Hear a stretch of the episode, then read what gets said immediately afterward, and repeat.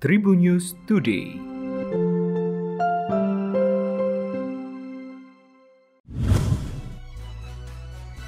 Tribuners, informasi terkini kami sajikan dalam Tribun News Today. Kita awali dari kabar nasional.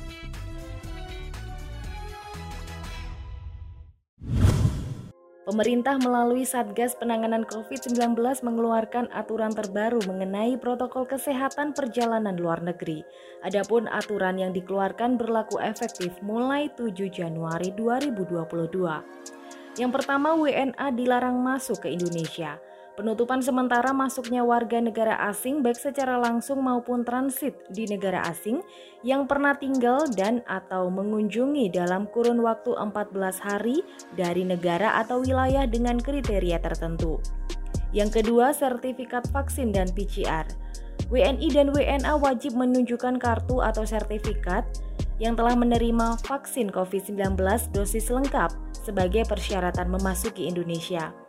Bagi WNI atau WNA yang belum mendapatkan vaksin di luar negeri, maka akan divaksinasi di tempat karantina setibanya di Indonesia setelah dilakukan pemeriksaan RT-PCR kedua dengan hasil negatif. Yang ketiga, kewajiban karantina. Pada saat kedatangan dilakukan tes ulang bagi pelaku perjalanan luar negeri dan diwajibkan menjalani karantina terpusat selama 7 kali 24 jam. Bagi WNI yakni pekerja migran Indonesia, pelajar atau mahasiswa yang studi di luar negeri, pegawai pemerintah yang kembali dari perjalanan dinas luar negeri atau perwakilan Indonesia dalam ajang perlombaan internasional menjalani karantina terpusat dengan biaya ditanggung oleh pemerintah. Adapun WNA, diplomat asing dari luar kepala perwakilan asing dan keluarga kepala perwakilan asing menjalani karantina di tempat akomodasi karantina terpusat dengan biaya ditanggung sendiri. Kita ke kabar regional. Dudung Aprianto 27 tahun nekat menghabisi nyawa pasutri lansia tetangganya sendiri di Pali, Sumatera Selatan gara-gara buah rambutan. Dia mengaku dihina saat meminta buah rambutan di depan rumah korban. Karena sakit hati, tersangka kemudian mengeksekusi keduanya saat sedang terlelap tidur. Tersangka Dudung mengaku sudah meminta izin untuk mengambil buah rambutan di halaman rumah kedua korban pada Sabtu 1 Januari 2022 sekira pukul 3 sore. Korban Marsidi 80 tahun dan Sumini 65 tahun dieksekusi menggunakan kapak saat sedang tertidur pada 8 malam Usai melancarkan aksi kejinya itu, tersangka Dudung langsung pergi ke kolam pemancingan yang tak jauh dari lokasi kejadian. Sementara itu, Kapolres Pali AKBP Agus Rizal Triadi mengatakan identitas pelaku terungkap dari hasil pemeriksaan saksi-saksi serta petunjuk dari hasil olah tempat kejadian. Untuk kabar selebriti, Tribuner sudah belasan tahun berkarir di Indonesia, nama Ariel Tatum menjadi publik figur papan atas.